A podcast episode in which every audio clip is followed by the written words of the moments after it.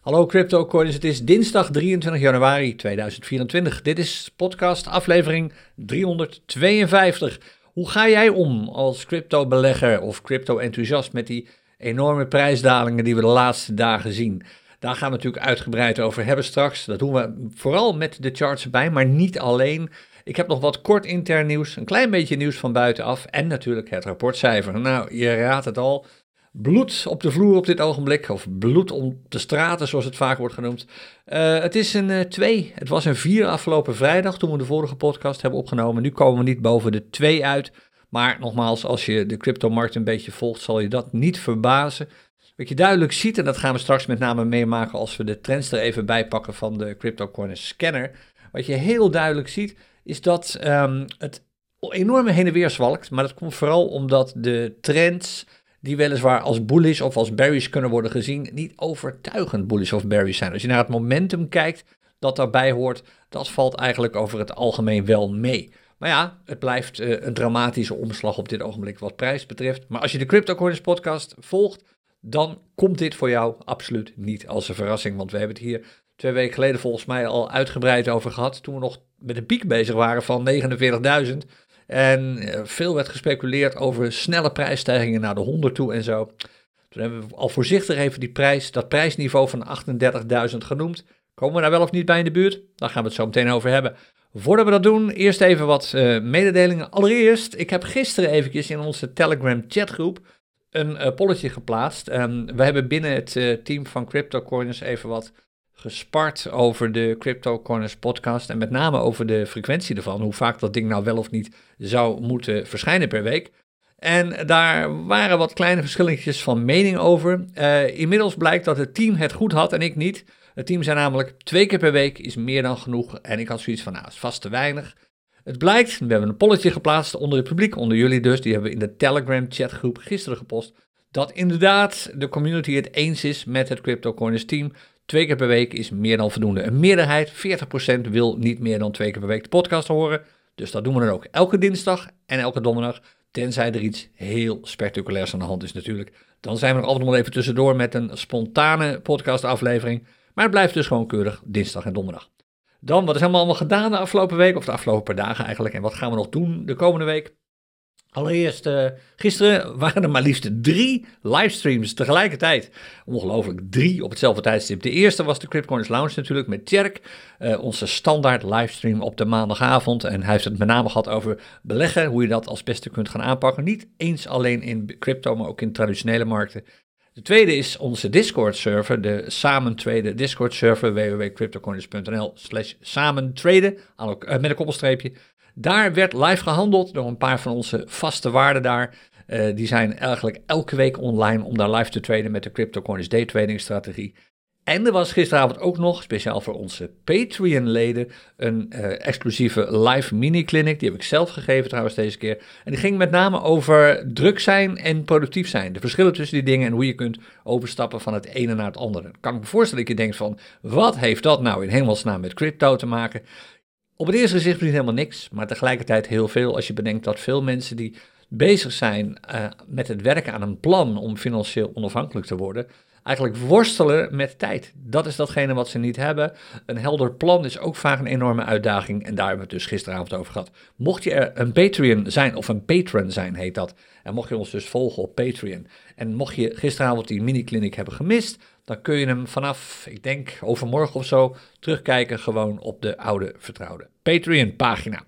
Dan morgenavond, dan is het alweer woensdag, dan gaan we live traden in het Crypto Coins Café. Uh, nog steeds met hypertraden. De vraag is hoe lang dat nog duurt.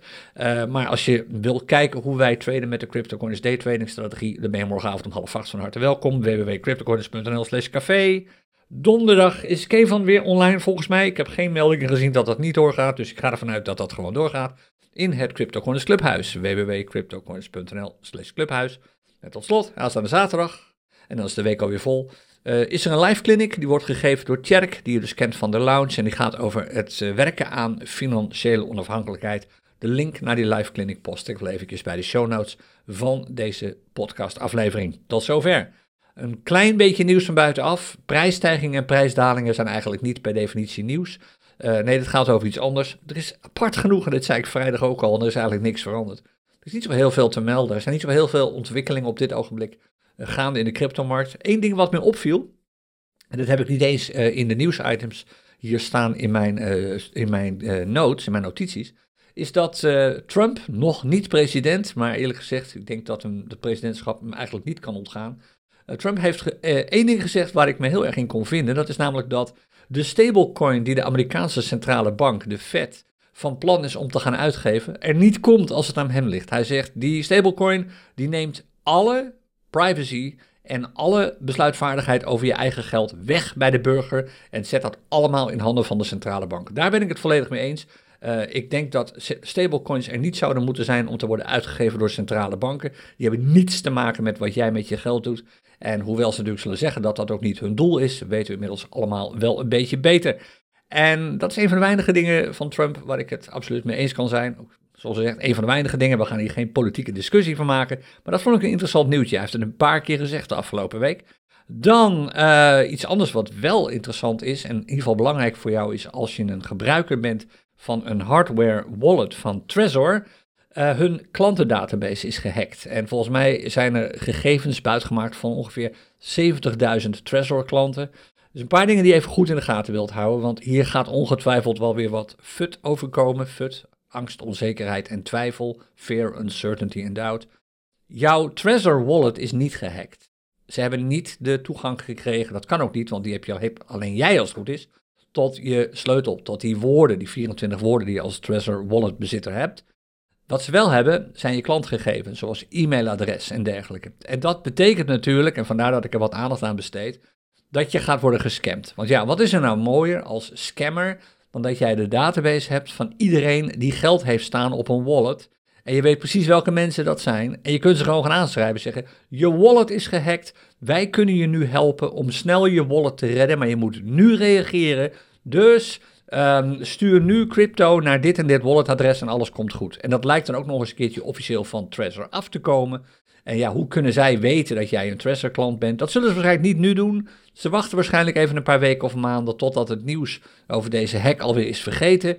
En dan gaat het opeens aan de gang. Dan krijg je mails van Trezor waarin staat dat je wallet is gehackt.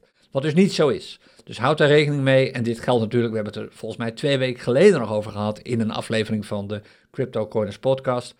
Er wordt ontzettend veel misbruik gemaakt van gegevens en van jouw vertrouwen en soms misschien angst of goedgelovigheid uh, door scammers. Dus houd altijd in de gaten. Als het te mooi is om waar te zijn, is het gewoon niet waar. Punt. Dus trap daar niet in. In hele mooie beleggingsplannen. Met automatische bot- en supertraders die voor jou gaan traden. Allemaal absolute onzin. En trap ook niet in het gevoel van angst dat je onmiddellijk krijgt als je een melding krijgt van bijvoorbeeld Trezor of van je bank of van Bitcoin zelf, de baas van Bitcoin, tussen aanhalingstekens, dat je Bitcoin wallet is gehackt. Bijna altijd, eigenlijk altijd, is dat gewoon pure nonsens en scam. Twijfel je nou daarover, is dit wel wat of niet? Post dan even een berichtje in onze chatgroep op Telegram en wacht even op een antwoord van een van de moderators. Die weten vaak heel goed wat wel en wat geen scam is. Maar over het algemeen 99,9% is gewoon scam. Dan uh, dat eigenlijk wat Trezor betreft, houdt dat dus even in je achterhoofd. Um, even over die prijsdaling natuurlijk. Voordat we zo meteen de charts erbij pakken waarin we gaan kijken hoe serieus dit nu allemaal is. Eerst eventjes um, hoe je hier zelf mee kunt omgaan als crypto-belegger. Er zijn een paar uh, dingen die je misschien, een paar signalen die je misschien goed in de gaten wilt houden en waar je eigenlijk gewoon een reactie op wilt hebben. De eerste is natuurlijk je omgeving zelf. Er zullen absoluut mensen uh, in je omgeving zijn die weten dat je bezig bent met crypto en bitcoin. En die zeggen van nou, het is flink aan het dalen, daar ben je zeker niet blij mee. Of uh, moet je zien wat een ontzettend onbetrouwbaar tot toch allemaal is. Nou, je weet inmiddels dat je niet bent ingestapt in bitcoin vanwege de prijs ervan, maar vanwege de waarde ervan. En dat zijn twee totaal verschillende dingen. En die waarde van Bitcoin wordt eigenlijk steeds duidelijker, zelfs als er geen absoluut getal aan gekoppeld kan worden, hoewel je dat voor jezelf kunt gaan bepalen natuurlijk met bepaalde uh, meetsystemen, zoals uh, stock to flow, om maar wat te noemen. Als je kijkt naar de enorme belangstelling voor Bitcoin die er nu is van institutionele beleggers, kijk naar het succes van de ETF's, die vorige week of twee weken geleden eigenlijk actief zijn geworden dan weet je gewoon dat een prijsdaling helemaal niks zegt over de waarde ervan. Die prijsdaling is een min of meer natuurlijk fenomeen. Mensen pakken hun winst. Ik kom er zo meteen trouwens nog even op terug waarom het zo hard gaat. In ieder geval naar mijn mening zo hard gaat. Maar de waarde van Bitcoin is hier niet door veranderd. Er is geen probleem opgetreden met bitcoin of iets dergelijks. Of een probleem met, met bepaalde altcoins waarvan de prijs ook enorm is gezakt. Dit komt blijkbaar door andere invloeden. En dat betekent dat het beste antwoord dat je kunt geven aan mensen die zeg maar, nu naar je toe komen en zeggen van nou, ik, je kunt toch geen vertrouwen hebben in iets waarvan de prijs zo enorm fluctueert. Uh, kun je aangeven, oké, ik heb daar wel vertrouwen in, want ik kijk veel verder dan alleen naar de prijs. Ik kijk met name naar de waarde ervan op de veel langere termijn. En ik weet niet of ik dit vorige week ook al een keer heb gezegd, maar als je zou uitzoomen, kijk, wij zijn natuurlijk als, als crypto-enthousiastelingen en als beleggers en traders eigenlijk voortdurend heel erg bezig met details. We kijken naar de urenchart, of we kijken naar de dagchart, of we kijken naar de weekchart. En, en dan vinden we eigenlijk al dat we er behoorlijk ver van afstaan als we kijken naar die prijsontwikkelingen. Maar als je nog meer uitzoomt en je kijkt naar de ontwikkeling van de Bitcoin-prijs, heb ik het nu even over. Niet over de waarde, maar over de prijs. Over de afgelopen jaren gezien dan zul je zien dat zelfs de prijsdaling die we nu meemaken, die er best inhakt, laten we eerlijk zeggen, 49.000 twee weken geleden, naar nu uh, 39.000, 10.000 dollar minder. Dat is heftig, dat is 25% Dat zo'n prijsdaling, of bijna 25% 20% dan dat zo'n uh, prijsdaling eigenlijk in het grotere plaatje nauwelijks opvalt. Dit gaat eigenlijk nergens over. Een expert op het gebied van beleggen een ex, volgens mij een ex-belegger bij een van de grotere Amerikaanse banken, volgens mij was het Morgan Chase. Die schreef uh, op Twitter, of op X heet dat dan tegenwoordig, schreef hij een mooi berichtje met negen tips. En een daarvan was, heel belangrijk, houd rekening als belegger en trader met waarde- of prijsfluctuaties van 35%. Dat is wat crypto doet. Het kan zomaar in een paar weken tijd 35% duurder zijn of 35% goedkoper zijn. Laat je daar niet gek door maken. En dat is iets wat wij natuurlijk ook vaak zeggen. Laat je vooral niet gek maken door dergelijke prijsdalingen en prijsstijgingen. En mensen die naar je toe komen bij zo'n daling en zeggen van zie je wel, het stelt niks voor. Kun je ook gewoon vertellen van ja, dit is nu eenmaal hoe het werkt in de cryptowereld. Deal with it of ga gewoon niet om uh, met crypto. Dan is het blijkbaar niks voor jou. En als crypto belegger weet je waarschijnlijk ook al lang dat je je portfolio wilt spreiden, diversificeren en nooit alleen maar in wilt zetten op één ding. Sterker nog, als je echt heel conservatief wilt beleggen, is er niks mis mee om maar 10% of 5% van je portfolio in crypto te hebben. De rest gewoon in waar je altijd al in hebt belegd. In aandelen, in obligaties, in stenen, in huis, onroerend goed enzovoort. Of dat de meest lucratieve manier van beleggen is, nou, daar kan iedereen zijn eigen mening over hebben. Die heb ik ook wel. Maar het is wel een risicomijdende manier van beleggen. En je houdt altijd nog de opties over om te profiteren van enorme prijsstijgingen van crypto. Die we natuurlijk ook hebben gezien de afgelopen jaren, laten we eerlijk zijn. Maar ja, dan komt natuurlijk die vraag die je zelf natuurlijk stelt, zeker als je nog niet zo lang in dit uh, spelletje zit. Wat nou als de prijs nog verder daalt? En het is leuk om te zien, want terwijl we deze podcast, ik neem deze podcast nu op met publiek erbij, dus nogmaals een hartelijk welkom aan het publiek in onze studio. Uh, we zijn nu met ruim 100 mensen hier en een aantal van hen schreef net al in onze chat van nou, dit is fantastisch, dit is mooi om weer bij te kopen. En wat is er nou leuker dan dat gewoon even te zien en te kijken hoe dat er daadwerkelijk dan in de praktijk uh, uitziet. En een voorbeeld zie je als je meekijkt op YouTube nu op het scherm, op je beeldscherm, als je dit dus op YouTube ziet. Dit is mijn uh, of een, van mijn HyperTrader schermen. HyperTrader is de tool die ik nog gebruik om live mee te traden. Bijvoorbeeld in ons Crypto Corners Café. En je ziet hier, uh, als je meekijkt op deze tool, een paar interessante dingen. Dit is de dagchart van Bitcoin versus de USDC. Dat is een crypto-versie van de dollar, een van de stablecoins. En dan zie je hier uh, vanaf 19 januari, dat was een paar dagen geleden, het weekend volgens mij, uh, naar gisteren, naar vandaag toe zie je van die kleine blauwe driehoekjes staan. En die blauwe driehoekjes die geven aan dat ik daar heb gekocht. En dat is eigenlijk de strategie. En als je je afvraagt van waarom heb je dan niet eerder gekocht? Nou, als je hier kijkt, dan zie je er nog een paar, want dit is de USDT, een andere stablecoin. En dan zie je, ik heb hier een tijd lang heel erg veel gekocht en verkocht. Dit is waarschijnlijk een tradingbot geweest. En hier, uh, dit was trouwens uh, eind 23, half 23. Dit is volgens mij geen tradingbot geweest trouwens. Maar goed, hier zie je daadwerkelijk ook weer diezelfde verkoopacties in beeld. Kopen als de, of koopacties in beeld. Kopen als de prijs daalt en niet kopen als de prijs stijgt. En als je vraagt waarom ik voor die tijd niks heb gedaan, dat waren wat privéomstandigheden, ben niet aan het traden geweest. Maar je ziet nu, dit was de USDT, dit is de USDC, hier staan koopopdrachten klaar. En ik kan je nu al vertellen dat er hieronder, ook, en ik zie hem zelfs in beeld, dat er hieronder ook alweer een koopopdracht klaar staat. Een 7, op 37.950, Als de prijs daar komt, koop ik opnieuw Bitcoin. En dat is eigenlijk de enige strategie die ik wil volgen, omdat ik vertrouwen heb in de waarde van Bitcoin. Maak ik gebruik van prijsdalingen door dan juist te kopen. En bij prijsstijgingen, zoals je hier terug zag op die eh, USDT stablecoin, verkoop ik juist. Dus bij als de prijs stijgt, koop ik. En als de prijs daalt, uh, sorry, als de prijs stijgt, verkoop ik. En als de prijs daalt, koop ik. Dus ik neem een winst als de prijs stijgt. En ik profiteer van prijsdalingen door goedkoper aan Bitcoin te komen. Dat is eigenlijk de strategie, die natuurlijk logisch is. Want je emoties vertellen je namelijk dat je eigenlijk precies het tegenovergestelde moet doen. Dat je moet gaan kopen als de prijs stijgt. Want voordat je het weet, ben je immers te laat. En dan moet je gaan verkopen als de prijs daalt. Dat is wat je, je emoties vertellen. Want voordat je het weet, gaat het misschien wel naar nul en ben je al je geld kwijt. En om te beginnen, al je geld is natuurlijk, als het goed is, niet zo. Want je gaat natuurlijk never nooit beleggen met geld dat je niet kunt missen. En het zou naar mijn mening ook nooit een wijze beslissing zijn om al je beleggingen alleen maar in één cryptomunt of alleen maar in crypto te hebben. Je wilt misschien een gedeelte daarvan in normale munt hebben. Dat kan dan desnoods een crypto-versie zijn van de dollar of een crypto-versie zijn van goud. Maar alleen maar altcoins gebruiken als beleggingsportfolio onderdeel. En dat ook nog eens een keertje met 100% van je beleggingsportfolio of van je geld is natuurlijk nooit het meest slimme om te doen. Maar de strategie is dus eigenlijk heel eenvoudig. Je emoties vertellen je eigenlijk altijd precies het verkeerde. Die vertellen je om te kopen als de prijs stijgt voordat je te laat bent.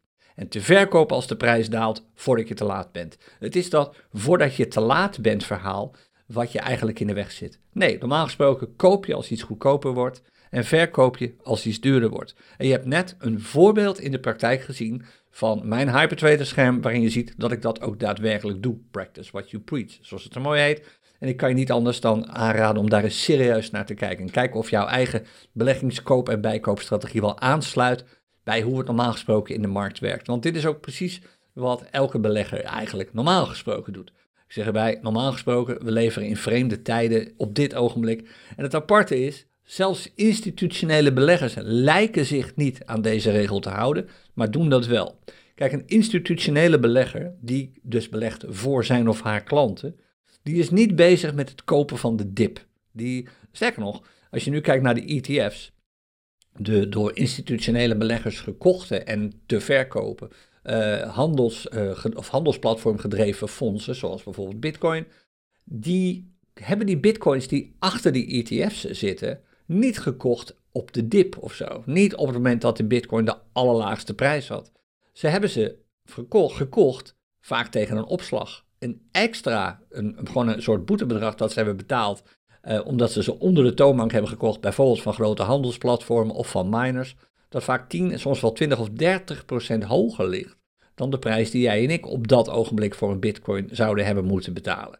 Het voordeel dat ze hadden is dat ze de prijs daarmee natuurlijk niet hebben beïnvloed, want op handelsplatformen waren die koopacties niet zichtbaar. Maar het is een van de eerste bewijzen dat ze niet voor de laagste prijs kopen. En het tweede bewijs is, een institutionele belegger die voor zijn klanten belegt, zal een asset, of dat nou bitcoin is of een aandeel, nooit op de dip kopen, maar altijd wachten totdat een prijsstijging is bevestigd. Dat er echt sprake is van een structureel stijgende trend, een bullish trend. Dat betekent dus per definitie al dat je nooit op het laagste punt koopt, want je hebt dan een prijsstijging achter de rug. Maar daarna stopt het ook. Hij, de institutionele belegger, heeft gekocht op het moment dat hij denkt van oké, dit is het. Dit is duidelijk een begin van een, stijgende trend. Ik koop nu niet meer, maar dit is het moment dat ik wel instap. En nu is het verder ook voorbij. Er zijn veel meer manieren om te beslissen wanneer je ergens instapt. Maar ook die manier heeft weer niks te maken met emotie van ik moet nu gaan kopen voordat ik te laat ben. Nee, die heeft alles te maken met kijken naar trends en op basis van een trendommekeer van dalend naar stijgend, van bearish naar bullish, een aankoopbeslissing nemen. En hoe ga jij hiermee om als cryptobelegger? Als het goed is, min of meer op dezelfde manier. Je laat je niet gek maken door plotselinge prijsdalingen eh, en ook niet door plotselinge prijsstijgingen. Je neemt gewoon eigenlijk consistent de beslissing om bij dalende prijzen te kopen en bij stijgende prijzen te verkopen. En die beslissingen worden vaak voor je genomen als je gebruik maakt van een index portfolio strategie En daar hebben we video's over bij CryptoCoins. Ik zal er wel even eentje posten uh, bij de show notes van deze podcast. Dan kun je zien wat ik daarmee bijvoorbeeld bedoel. Misschien is het leuk om maar eens een keertje een gedeelte van het CryptoCoins café aan te wijden. Hoe werkt dat nou precies, zo'n uh, portfolio indexing strategie? Oké, tot zover dat. We gaan naar de charts. En mocht je meekijken op YouTube, dan zie je die charts nu ook weer in beeld. En de eerste chart die we erbij pakken is de Bitcoin weekchart. Want er is gisteren weer een nieuwe week begonnen. En vorige week zei ik het volgens mij al, toen voor afgelopen dinsdag. Toen zaten we met deze candle. En toen zei ik, ik denk dat we de piek al hebben gehad. Dat was de piek van eh, de week van 8 januari, de week ervoor, 49.000 nog wat. En de reden dat ik het zei is van nou, het is een hoge wick aan de bovenkant. Dat wijst op afwijzing, deze prijs. Helemaal bovenin 49.000 dollar. Daar zijn um, op dit ogenblik verkopers en kopers het niet zo over eens. De prijs zal wel in de buurt hiervan moeten zitten, waar de body nu min of meer stopt. Hij kwam zelfs nog wat lager te staan. Dus de piek hebben we nu wel te pakken. Nou, dat blijkt dus inderdaad zo te zijn. En dat maakt het op dit ogenblik duidelijk. We zijn op weg naar een nieuw dal. Net zoals we vorige week al min of meer aankondigden. Het dal is deze week sowieso. We hebben deze week sowieso een nieuw dal. Maar dat wil niet zeggen dat dit het dal is. Naar mijn mening daalt dit nog wel even door. En ik zou vertellen waarom. De charts geven dat eigenlijk min of meer aan. Als je de podcast al een tijdje volgt, dan zie je de signalen ook. Dit signaal onderin, de OBV, dat signaal hadden we vorige week ook al. En de week daarvoor eigenlijk ook al. De OBV-lijn zelf, dat is die gele, en dit is niks anders dan een optelsom van het volume dat erbij is gekomen of eraf is gegaan, om het zo maar uit te drukken. Dus hoeveel is er verhandeld bij een dalende prijs, dan gaat het getal naar beneden.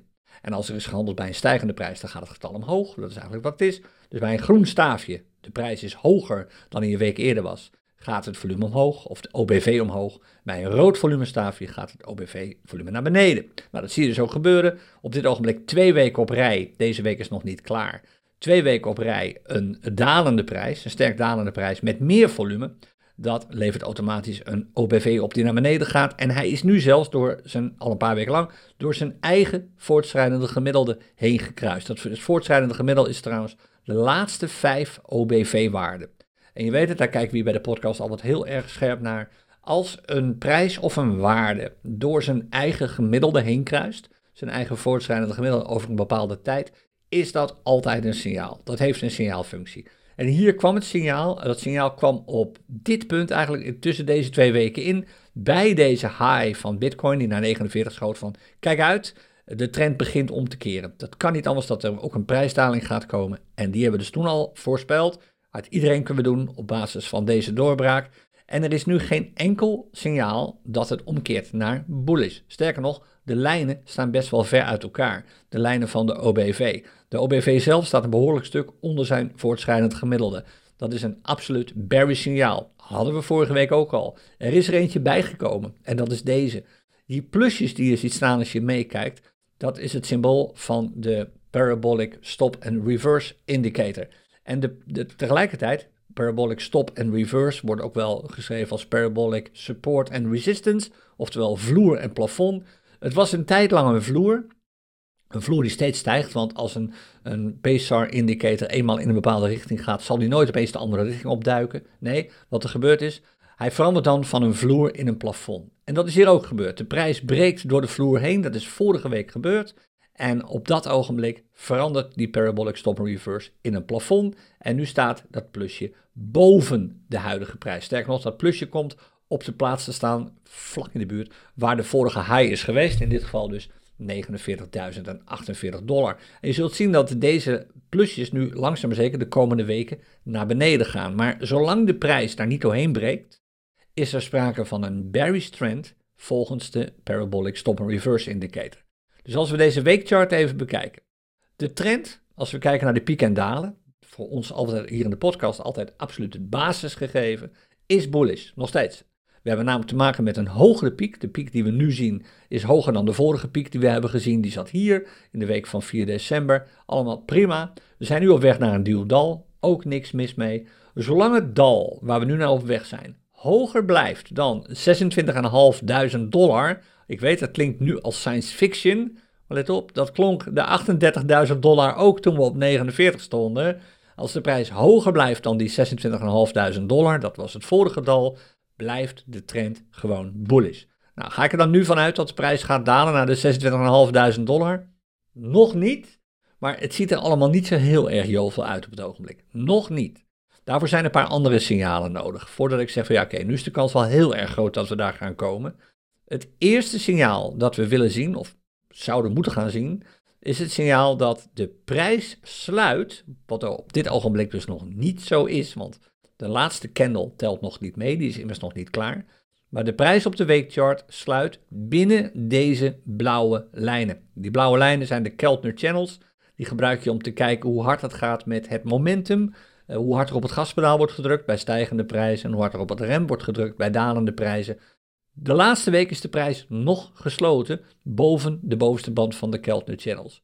Echt overtuigend was dat trouwens niet, want je ziet ook een zogenaamde doji optreden. Dat is een, een, een apart naam voor deze candlestick. Het lijkt een beetje op een spinnertje, weet je wel, zo'n zo'n tolletje wat je kunt laten draaien. Die doji ziet er als volgt uit. Een open en een sluitprijs die eigenlijk min of meer hetzelfde zijn. De open prijs was uh, 41.700, de sluitprijs was 41.560. Er zit nauwelijks verschil tussen. Dit maakt het technisch niet helemaal een doji, maar je ziet gewoon, dit is nauwelijks verschil. En hele lange wicks. Een, een uh, stijging, een high aan de bovenkant, die veel groter is dan de open- en de sluitprijs. En een low aan de onderkant, die ook veel lager ligt dan de open- en de sluitprijs. Dat geeft onzekerheid in de markt aan. We hebben er gelukkig maar eentje gezien. Twee of drie geeft echt aan de markt dat de markt het niet meer weet. Maar wat, we, die, wat die doji hier deed, is sluiten boven de bovenste band van de Keltner Channels. Dat betekent, er is nog steeds sprake van een stijgend momentum. Maar nu, als de, prijs, als de week nu voorbij zou zijn, is dat niet meer zo. Er is duidelijk sprake van een afnemend stijgend momentum, omdat de prijs nu zou sluiten binnen deze band. Komt ook nog bij dat op dit ogenblik, maar je wilt eigenlijk niet naar deze candle kijken, dat doen we zo meteen wel op een andere manier via de dagchart. We zien een lange body. De huidige candlestick van deze week heeft een lange body. Dat betekent dat koper en verkoper het eens zijn over deze prijsdaling. En dat betekent dat het bearish, mom, uh, momentum begint toe te nemen. Nooit een goed teken. Het wordt bevestigd als de prijs uiteindelijk hieronder sluit, onder dit prijsniveau.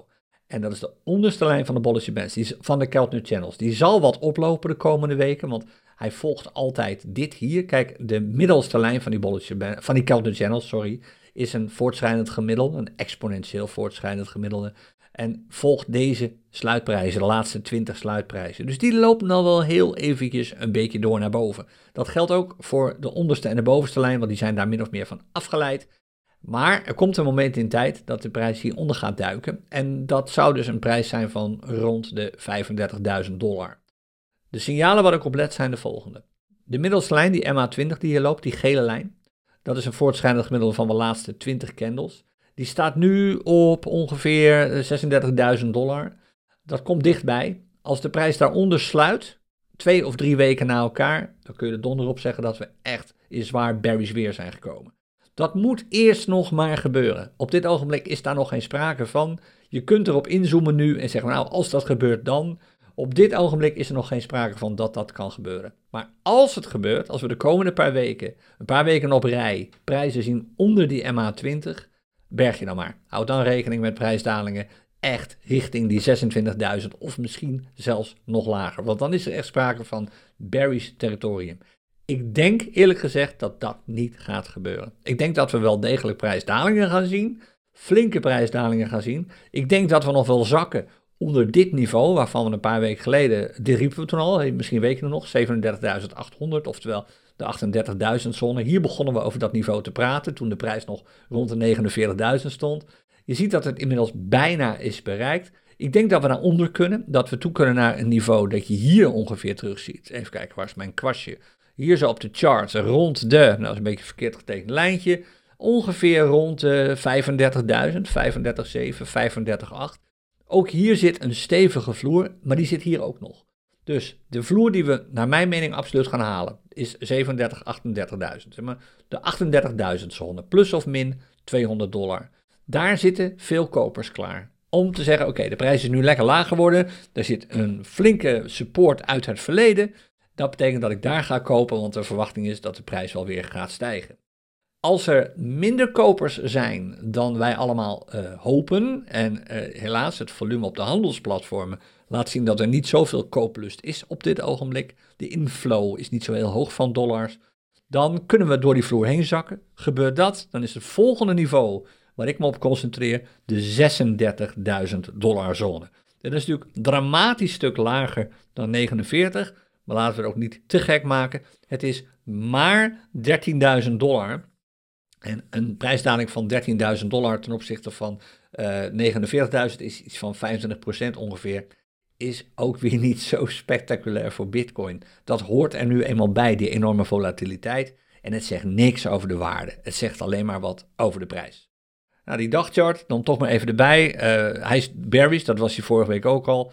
We zijn nu definitief op weg naar een nieuwe trough. Ik zei dat afgelopen vrijdag al. Nou, waarschijnlijk hebben we nu wel. Uh, we gaan, ik dacht zelfs, misschien gaan we nu wel op weg naar een nieuwe piek. Want deze low die we hier op de, de chart van nu zien, hadden we volgens mij vrijdag al. Nou, dat is niet helemaal gebeurd. Technisch gezien zou je kunnen zeggen, zondag hadden we een nieuwe piek. Maar ja, eerlijk is eerlijk, dit is gewoon een zijwaartse beweging. Daar wil je vooral niet op focussen. We zijn dus nog steeds op weg naar een nieuwe trough. Misschien hebben we hem vandaag bereikt. Ik denk, oh sorry, dat was mijn uh, studiomicrofoon. Ik denk eerlijk gezegd dat we nog wel een stukje doordalen en dat we gewoon in de buurt gaan komen van die uh, eh, 38.000 zone hier. We gaan dat met z'n allen gewoon volgen hier en meemaken natuurlijk. Het um, uh, interessante wat die dagchart verder betreft is natuurlijk dat we een hele hoge laatste piek hebben. Dus als we eenmaal een trough bereiken, is dat een piek die je in de gaten wilt houden. 43,5 is gewoon, is dan 5000 dollar hoger dan uh, de 38, 39.000 dollar. Nou, dat is ook alweer ongeveer, wat is het, uh, 5 à 10 procent of zo. Best heftig. Voor de rest kijk ik hier gewoon, meer kun je op dit ogenblik niet doen. Natuurlijk naar die Keltner Channels.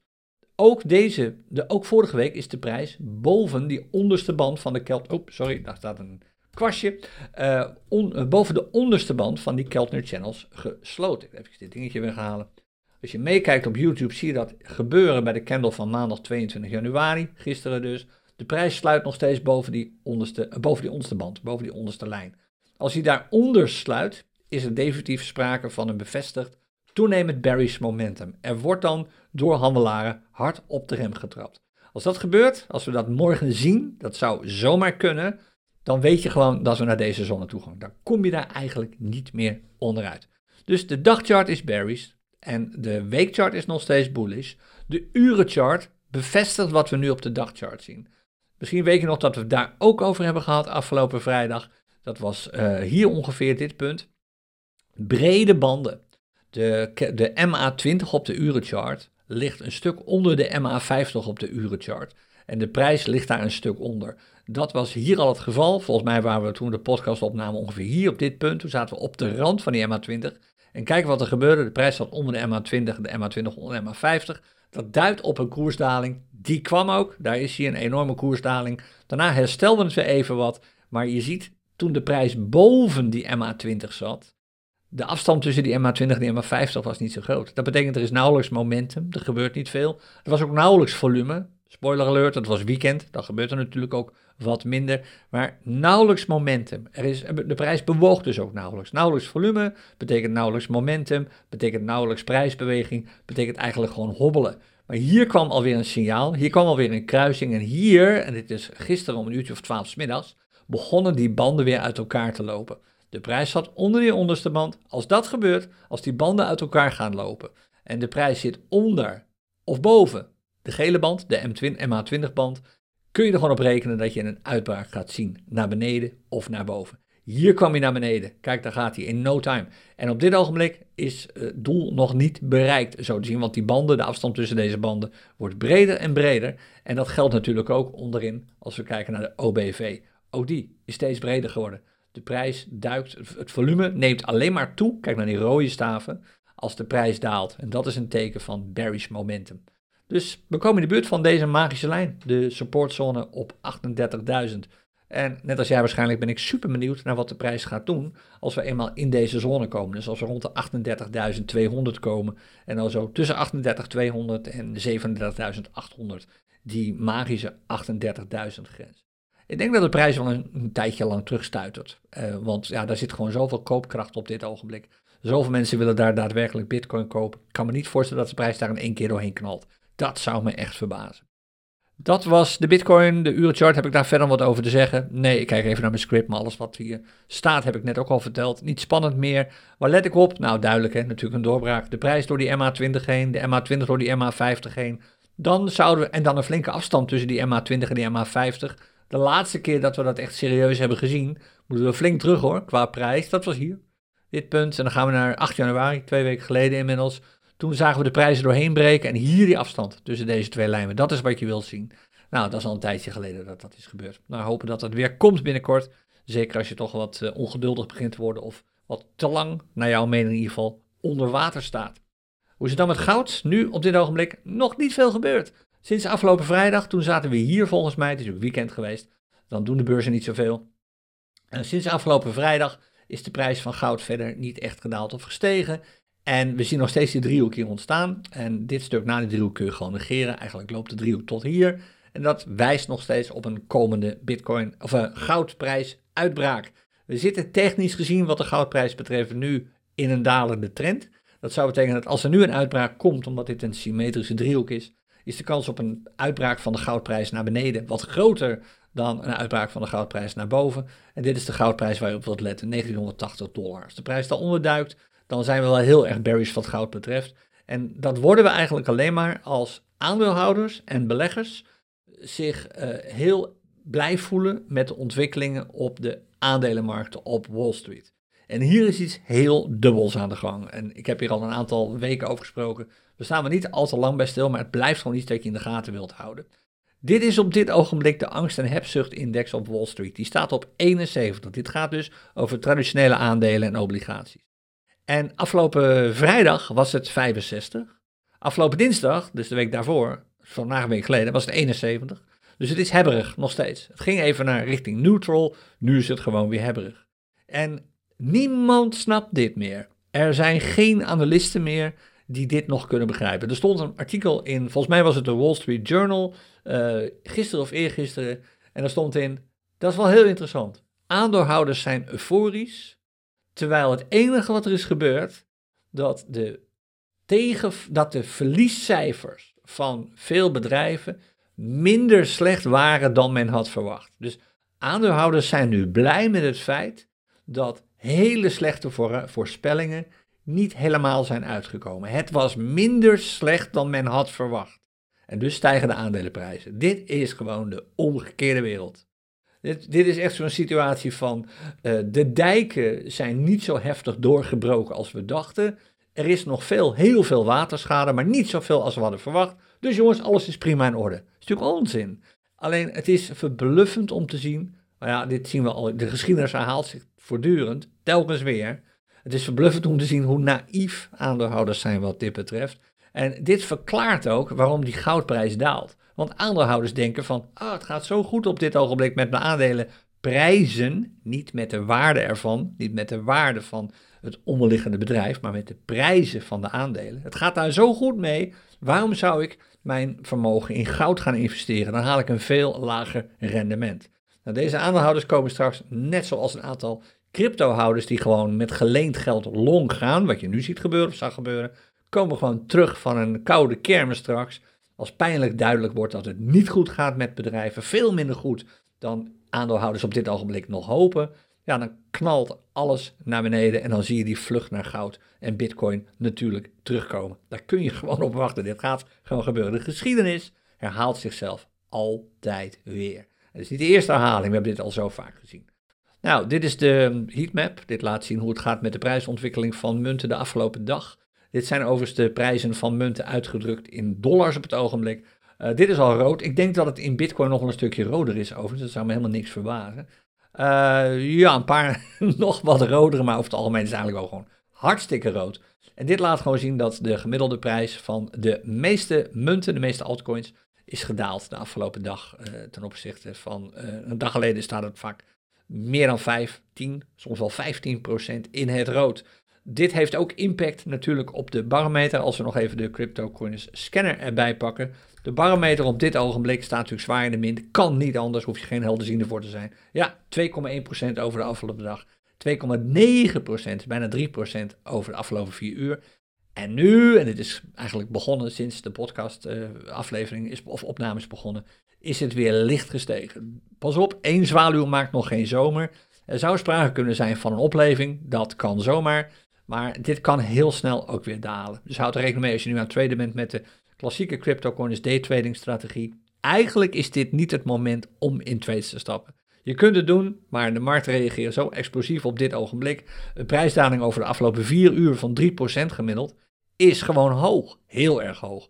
Dat is een storm. En je wilt in die storm als trader misschien eventjes gewoon wat anders gaan doen in plaats van op je zeilboot te gaan zitten. Er zijn leukere dingen op dit ogenblik, denk ik.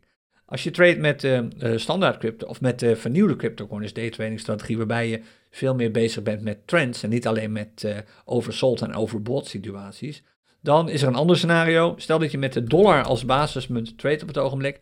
Afgelopen vrijdag zag dat er nog aardig uit. We waren min of meer neutraal, heel licht bullish geloof ik. Op dit ogenblik is dat niet meer zo. En dit laat zien, wat ik aan het begin van de podcastaflevering al zei. Kijk, 35% bearish op het ogenblik. Dit laat zien dat het allemaal heel snel kan omkeren. En de reden is, dagtrends die, uh, en weektrends, die zorgen voor zo'n hoge waarde.